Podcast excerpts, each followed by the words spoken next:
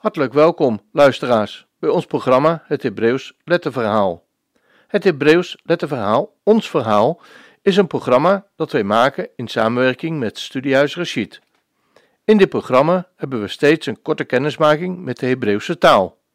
Het gaat niet om de taal op zich, niet om gegoochel met letters en getallen, maar om de taal, met letterbetekenis en getalswaarde, als toegangstaal tot de Hebreeuwse Bijbel de schrift geworden stem van Israëls God.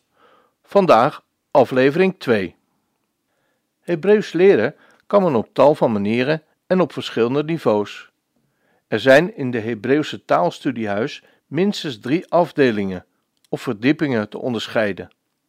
Een parterre afdeling waar men Hebreeuwse zinnen leert vertalen, een bovenverdieping waar men zich oefent in het analyseren van de Hebreeuwse teksten, en de benedenverdieping, of een basement, waar de studie gericht is om op het leren te ontdekken van Hebreeuwse woordstammen als basis voor zelfstandige Bijbelstudie. De Bijbel is meer dan alleen een verzameling zinnen. Het is ook een woordenboek, een boek boordevol woorden, die elk hun eigen unieke waarde hebben naamwoorden, maar vooral ook werkwoorden. De Bijbel is, om zo te zeggen, een bouwwerk waarvan de stenen woorden zijn. Geen gewone stenen, maar edelstenen. Elk Bijbelwoord is als een diamant met tal van schitterende facetten. Door woordstudie aan de hand van Hebreeuwse concordantie of vindplaatsenboek kunnen deze edelstenen gaan oplichten in al hun veelzijdigheid en veelkleurigheid, zoals die in geen enkele vertaling volledig zijn weergegeven. Ons programma is geheel gericht op het doen oplichten van deze edelstenen. Hoofddoel is niet het leren en vertalen van zinnen, maar het leren ontdekken van Hebreeuwse woordstammen als basis voor zelfstandige Bijbelwoordstudie aan de hand van een Hebreeuwse concordantie. Want zodra men deze Hebreeuwse letters kent, Hebreeuwse woorden kan spellen en, ze, en die op kan zoeken in een Hebreeuwse concordantie, kan men zelfstandig, onafhankelijk van geleerde tussenpersonen, schrift met schrift vergelijken. Kan men een Hebreeuws woord in het ene verband leggen naast hetzelfde woord in een ander verband, om zodoende de diverse facetten van de Bijbelse edelstenen te ontdekken.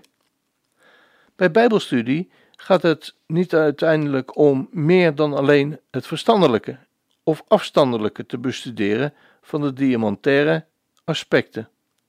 Een Bijbelwoord is meer dan een schitterend voorwerp, waar je omheen kunt lopen met het doel om het zo objectief mogelijk van verschillende zijden te bekijken. De Bijbelse edelstenen zijn zogezegd hol van binnen. Elk Bijbelwoord is, zoals terloops is al opgemerkt, een heiligdom.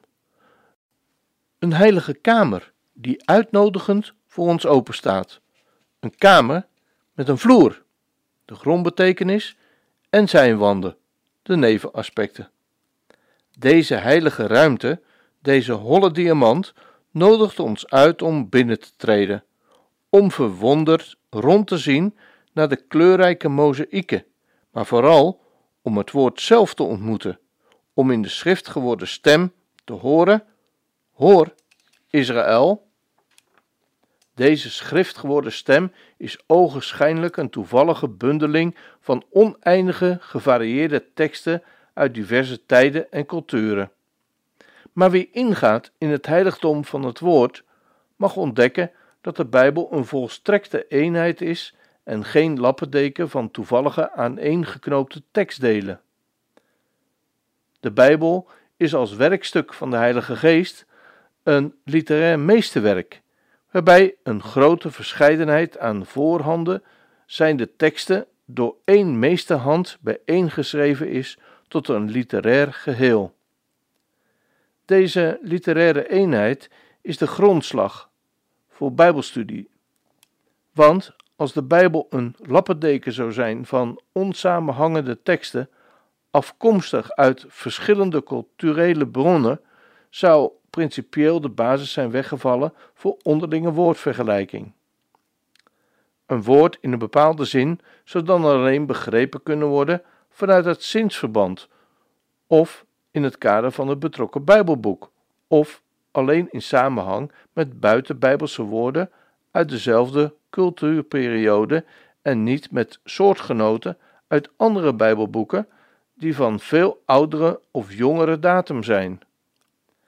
Maar omdat de Heilige Schrift als een creatie van de Heilige Geest een volstrekte eenheid is, een bibliotheek van boeken met een ongekend fijnzinnige gemeenschappelijke architectuur, kan een bepaald woord op de ene plaats licht en kleur afgeven aan hetzelfde woord op een andere plaats.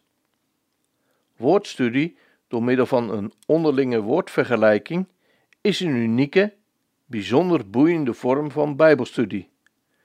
Niet alleen omdat men als woordstudent binnengaat in de heilige kamers van het woord, maar ook omdat deze vorm van Bijbelstudie tegelijkertijd een Bijbelreis is. Aan de hand van een concordantie, schrift met schrift vergelijkend, in het spoor van één enkel woord, komt men vaak tot onverwachte plaatsen en stuit men op verrassende gegevens. De Bijbel is als een berglandschap waarop men nooit uitgekeken raakt, of als een diepzeegebied waar men steeds nieuwe ontdekkingen doet. Geen reis zo boeiend als een Bijbelreis. De doelstelling van dit programma is de basis leggen voor zelfstandige Bijbelwoordstudie. Een uniek en volledig afgestemd op de karakteristieke Hebreeuwse lettertekens, op hun namen en hun betekenissen. Want elke Hebreeuwse Bijbelletter heeft een volledige naam. Alef betekent voortrekker, tussen aanhalingstekens, van runderen, maar ook stamhoofd of eersteling. Bet, de tweede letter in het Hebreeuwse alfabet, betekent huis. En Gimel is de kameel, maar ook gespeend. In de gangbare Hebreeuwse studieboeken komen deze letternamen niet of nauwelijks te sprake. De tekens worden zonder meer gegeven, de namen worden genoemd, maar aan de betekenis van deze letternamen, aan de letter leer, om zo te zeggen, wordt doorgaans geen enkele waarde gehecht. Alles is gericht op de klankleer, de vormleer. In de klankleer gaat het over de Hebreeuwse klinkers en klankwetten die daarmee verband houden. In de vormleer over de diverse vervormingen van de woorden, de naamwoorden en vooral de werkwoorden. De Hebreeuwse letters zijn niet alleen woordvormers. Het woord Adam, mens, wordt gevormd door de letters Alef, Dalet en Mem. Maar ook vaak woordvervormers, woordjes die bij ons los in de zin staan, zoals lidwoorden de, het en een, en persoonlijke en bezittelijke voornaamwoorden mij en mijn en andere, of ook voegwoorden en en voorzetsels voor, aan, worden in het Hebreeuws meestal direct met de woordstam verbonden en samengevoegd tot een nieuw woord. Van de 22 letters zijn er 11, dus precies de helft, die zich daarvoor laten gebruiken. Dit zijn de zogenaamde dienstdoende letters. Tot deze woordvervormers behoren ook de drie belangrijkste godsnaamletters: Jad, He en Vaf. Met name de woordvervorming of vervoeging van het werkwoord vervullen deze drie een belangrijke rol. Ze kunnen niet alleen aan de woordstam worden toegevoegd als persoonlijk voornaamwoord of voegwoord, maar ze kunnen ook uit de stam verdwijnen. Met name dat laatste vormt een van de moeilijkste elementen uit de Hebreeuwse grammatica.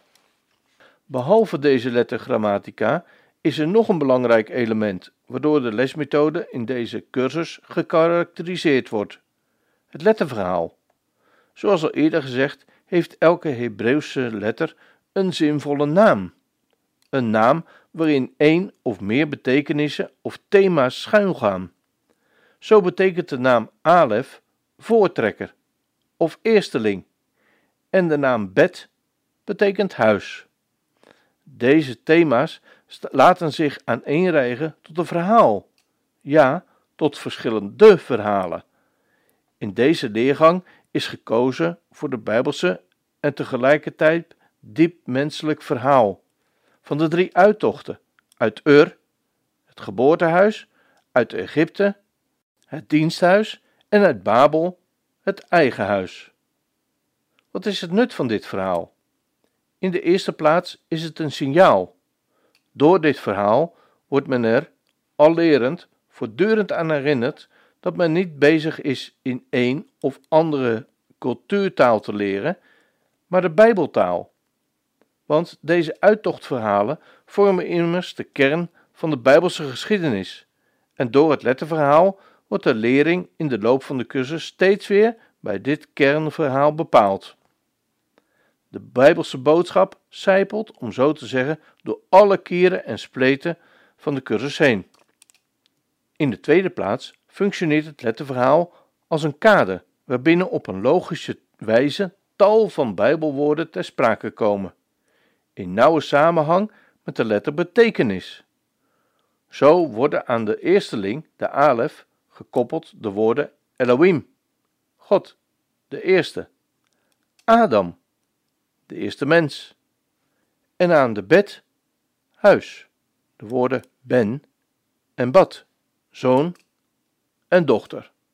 Tot zover aflevering 2 van het Hebreeuws letterverhaal, ons verhaal. Mocht u meer willen weten of geïnteresseerd zijn in meer informatie over de Hebreeuwse taal, dan verwijzen wij u graag naar de website van Studiehuis Rashid, www.studiehuisrashid.nl. U vindt daar alle benodigde informatie om op een heel toegankelijke manier kennis te maken met het Hebreeuws. Nieuwe afleveringen van dit programma vinden plaats op maandag, woensdag en vrijdagmiddag om 3 uur. Voor herhalingen van dit programma ga dan naar radioisrael.nl Radio Weekprogramma. Terugluisteren kan ook. Ga dan naar Radio Israël Uitzending gemist.